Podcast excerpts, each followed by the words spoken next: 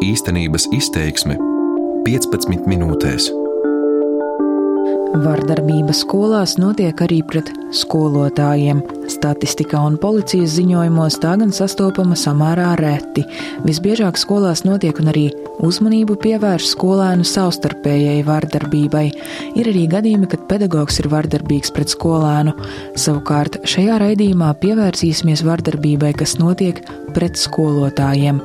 Ar Latvijas radio par savu pieredzi anonīmi piekrita runāt divas skolotājas. Kāpēc arī skolotāji par vardarbību bieži izvēlas klusēt un ko par to saka iestādes un citi, skaidroju es, Annija Petrava. Braucot uz slimnīcu pie sevis nodomāju, nu tas taču ir tikai zilums, gan jau. Bet cik iekšēji tu kā skolotājs esi aizvainots morāli, ka visi skolāni redz, kā tevi drīkst sist, bet tu nedrīksti neko. Šī skolotāja strādā ārpus Rīgas, un viņa vēlējās palikt anonīma. Šogad viņa pirmo reizi savā apmēram desmit gadu pieredzē saskārusies ar fizisku vardarbību no skolēna. Pirms tam skolēns bija iesitis arī saviem mācību biedriem. Bērns mācās sākuma skolā un viss sākās kā diskusija par to, ka bērns uz stundu atnācis bez somas. Kad atgriezies ar somu, sācis staigāt pa klasi, aiztikt citu bērnu mantas, stāsta skolotāja. Uz ko tas skolēns reaģēja ar atbildi, nu neaiztiec lūdzu manas mantas, nu, tās ir manas, uz ko šis uh, skolēns vienkārši vērsa agresiju pret šiem skolēniem un vienkārši viņiem sita ar kulaku pa galvu. Skolotāja mēģinājusi apturēt, nemitīgi aizrādījusi. Bet viņš vienkārši to ignorēja. Tad paņēmusi bērna dienas grāmatu, lai uzrakstītu piezīmi. Un pagriežoties ar domu, ka es nākšu pie sava galda atpakaļ, no aizmugures sekoja spēriens no šīs skolēna puses. Viņš man iespēra pa kreisās kājas augšu stilbu Iespēja tā, ka es ar to kāju turpināt iet nevarēju, jo, nu, kā tautsvalodā saka, bija, nu, tas, nu, nu stīvais, tā, ka tu nevari vienkārši šo kāju nolikt pie zemes. Skolotāja atkal aizrādījusi bērnam, taču pēc viņas stāstītā tikusi nosaukta rupjos vārdos. Visa stunda bija pagājusi tikai cīnoties ar šo skolēnu, un tad eh, es kā skolotāja sapratu, tā ir pilnīga bezspēcība pilnīgi bezspēcīgi. Vienīgo, ko es kā skolotājs varēju izdarīt, ir ierakstīt šo dienas grāmatā piezīmi par to, ka viņš ir tā uzvedies. Varu ievadīt e-klasē piezīmi, ka viņš tā uzvedās. Un tas ir viss, ko es varu izdarīt kā skolotājs. Vēlāk par notikušo informēja klases audzinātāju arī skolas vadība. Tur aicināja vērsties slimnīcā. Braucot uz slimnīcu pie sevis nodomāju, nu tas taču ir tikai zilums, gan jau bet cik iekšēji tu kā skolotājs esi aizvainots morāli, ka visi skolāni redz, kā tevi drīkst sist, bet tu nedrīksti neko. Un uh, tu morāli esi sagrauts vairāk, un tieši tāpēc mana ģimene bija tie cilvēki, kas teica nē. Cik tālu to atļausi? Tieši tuvinieki mudinājuši saņemt ārsta atzinumu un vērsties policijā. Šobrīd lietu skatot, Vārdu bezspēcīgs lieto vairāki skolotāji attiecībā uz sarežģītām situācijām par skolēniem, arī skolotāja Vija, kas strādā ārpus Rīgas. Rekāda tu maza kā kroplīte, piemēram, atskan stundas vidū no vietas. Jā, ko tu tur mūdi? Skolotāja Vija vairāk nekā 30 gadu pieredzē ar fizisku vardarbību skolā saskārusies un esot, tomēr izjutusi emocionālu vardarbību. Ceļš telefonos un skaļā balsī apspriežas, viss tiek ignorēts. Piezīmes, vecāku aicināšanu uz skolu, nu, tas viss nedarbojas. Smīniņš un viss turpinās. Mēs tāpat visu nokārtosim. To, ka citiem ir vēlēšanās kaut ko izprast dziļāk un apgūt pamatīgāk, tas tiek ignorēts. Kā lai jūtas skolotājs tajā brīdī? Nu, patiesībā tā ir vienkārši ņirgāšanās gan par skolotāju, gan par klases biedriem. Šādas situācijas atkārtojoties regulāri. Nekā tāda liekas īpaši jau nav, bet saprotiet, ja tas notiek regulāri, dien dienā, nu, dienas beigās tu esi jau pārguris. Bet tā nav visās klasēs, tā nav visur. Bet tādi ir atsevišķi gadījumi. Skolotāja Vija vērtē, ka var tikai runāt ar bērniem un jauniešiem, taču, ja skolēni mājās esot vienalga par rezultātiem, tad skolēns darot, kā viņam ērtāk. Ja skolēni lietot necenzēts vārdus, varam griezties policijā ar iesniegumu, tad vecāki maksā soda naudu. Mums bija gadījums, kad puisis priecājās, ha, ha, par mammu, lai šī maksā to soda naudu, tā šai vajag. Diemžēl. Dažu skolēnu attieksmi izdevās mainīt pēc ilgām un atkārtotām sarunām, stāsta skolotāja, tomēr tas izdodas nevienmēr. Dažādi gadījumi nonāk arī tiesību sarga biroja redzeslokā, tajā skaitā retāk uzzina par vardarbību pret skolotājiem. Bērnu tiesību nodaļas vadītāja Laila Grāvere stāsta, visbiežāk vēršas par gadījumiem, kad notikusi bērnu savstarpēja vardarbība. Un skola šī situācija zina, bet nerisina. Tad sāk skaidrot apstākļus. Vienmēr atklājas, jā, ka tā uzvedība tam bērnam tāda ir bijusi kopš pirmās klases, kopš viņš ir ienācis skolā. Paskatoties iepriekš, arī pirmsskolā jau ir parādījušies uzvedības traucējumi, kas nav risināti. Un, protams, uzvedības traucējumi visbiežāk paši no sevis nepāriet, bet tie samilst bērnam sasniedzot pusauģu vecumu. Un tad nu, ir Jā, tad tiesības sargs tiek iesaistīts visi, bet atklājas, ka to situāciju visi zināja un nerisināja. Arī pašvaldības bieži uzzina par problēmām skolā jau no policijas. Par to liecina Tiesību sarga biroja informācija. Un skolai ir pienākums, ja viņi netiek galā ar saviem resursiem, skolai ir pienākums ziņot pašvaldībai. Un pašvaldība aptaujas dati rāda, ka ap 70% pašvaldību skolas neziņo Tad, tad pārliecinoši lielākajā daļā Latvijas skolas neziņo pašvaldībām par šādiem gadījumiem, ka bērnu uzvedība ir tāda, ka viņam vajag palīdzēt. Kāpēc skolotāji dažkārt izvēlas klusēt par vardarbību, kas notikusi jau pret viņiem?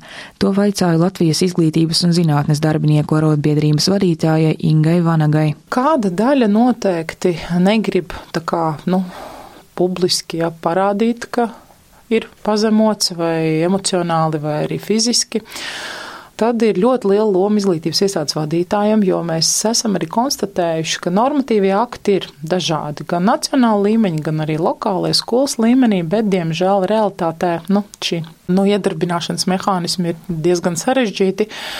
Vēl viens iemesls ir tāds, ka ir bērnu tiesības būtībā stāv pāri ļoti daudzās situācijās, ņem virsroku. Dažādi iesaistītie runā arī par skolu novērtējumu. Turpina Vanaga. Nenolieksim arī to, ka, ja tas nonāk plašākā sabiedrības lokā ziņā, ja, tad arī tomēr mēdīju uzmanība ir pastiprinātāka, tad, nu, skola arī tomēr negrib savu prestižu pagraut, tad kādās situācijās ir arī, nu, nostrādā naudu sako skolēni, bērnam, tad arī var nu, izglītojamais mainīt skolu un dažādi šie iemesli. Pedagoģu arotbiedrībā zina par dažādiem gadījumiem, kur skolotāji izvēlas klusēt par pret viņiem notikušu vardarbību. Statistikas viņiem nesot. Arī skolotāji, kas pati saskārusies ar vardarbību un vērsusies policijā, zina stāstīt par citiem pedagogiem, kas nerunā, piemēram, par to, ka kāds bērns pārdās. Nu, viņa klusē. Viņa cieši un klusē, bet viņa regulāri ir ar zilumiem. Pedagogs baidoties zaudēt darbu, mazās skolās baidās, ka tās var aizvērt, baidoties arī bojāt pašvaldības vārdu. Iestādes gan esot informētas, taču bez risinājuma. It kā parunājam savā starpā, bet rezultāta nav tam visam.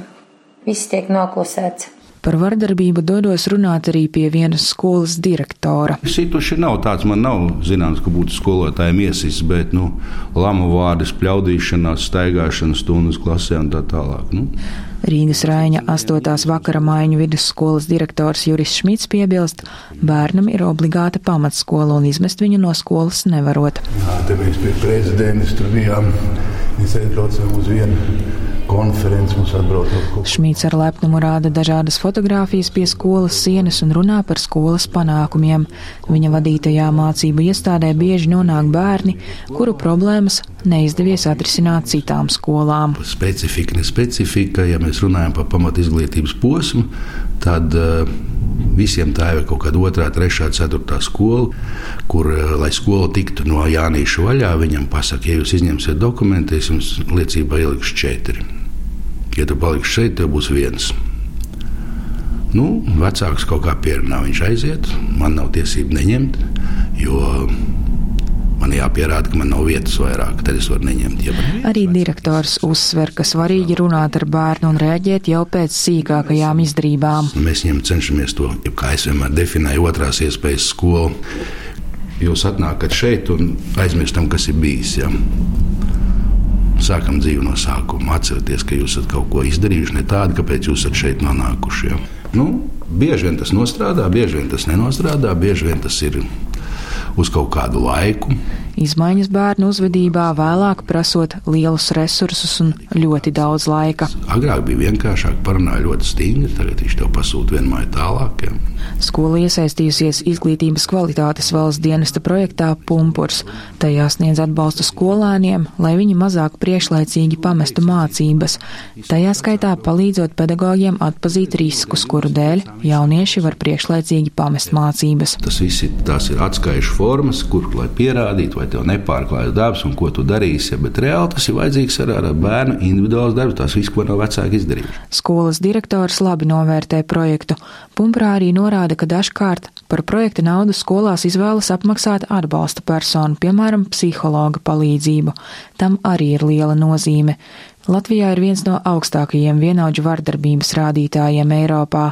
Pumpura eksperte Kristīna Jozauska atzīst, ka skolās vardarbību saskata kā vienu no riskiem. Gan šos konfliktus ar vienaudžiem, gan konfliktus ar pedagogiem, gan konfliktējošas attiecības ģimenē, tie ir riski, kas tiek identificēti un šajos atbalsta plānos atspoguļot, un jā, mēs viņus redzam. Un tad parasti šiem riskiem pretī, tad, kā tas tiek novērsts, jā, tās ir šī sociālā pedagoga vai psihologa konsultācijas.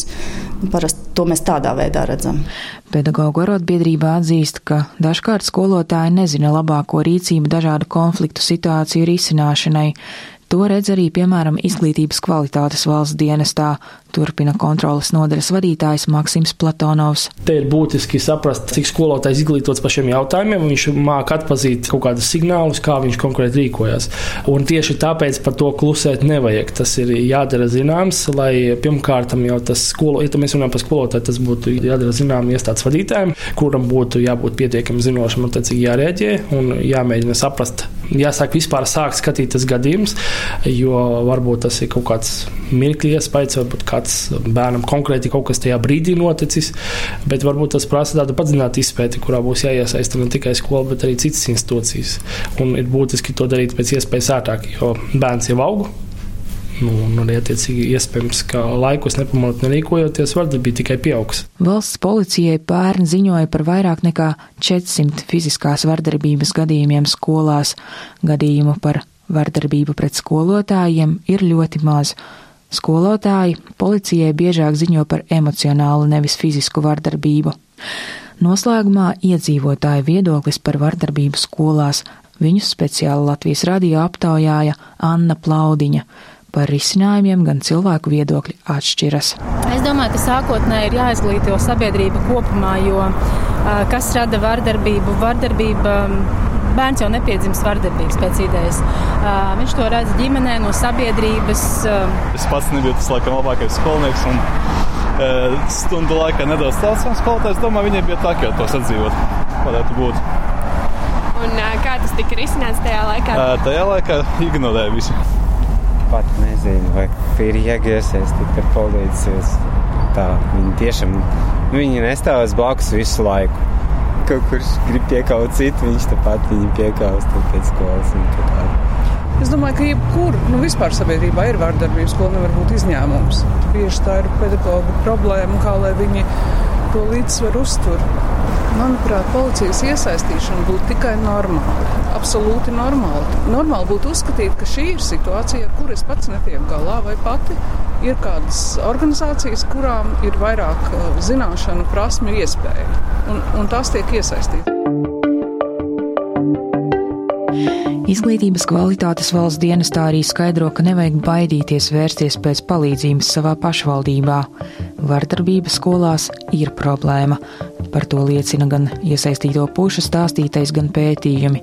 Jaunajā mācību gadā Punkurs rīkos īpašas apmācības skolotājiem par šo tematu. Gada sākumā arī pedagoģu arotbiedrība bija rīkojusi sanāksmi par šiem jautājumiem, runājot par bērnu un skolotāju tiesībām.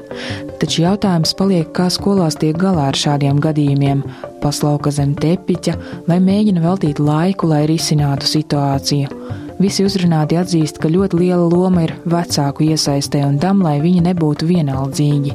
Tiesības sarga birojā arī uzsver to, cik svarīgi ir skaidrot iemeslus bērnu vardarbībai, jo tā ir kā kliedziens pēc palīdzības. Arī resursu un laika trūkums var būt iemesls, kāpēc uz mazākām problēmām bērnu uzvedībā piever acis, tomēr tā nedrīkst darīt, uzsver atbildīgie dienesti. Svarīgi raudzīties uz bērnu uzvedību nevien no sākuma skolas, bet jau pirms skolā. Šo raidījumu īstenības izteiksme veidoja Sannija Petrova un skaņoperators Renārs Šteimanis.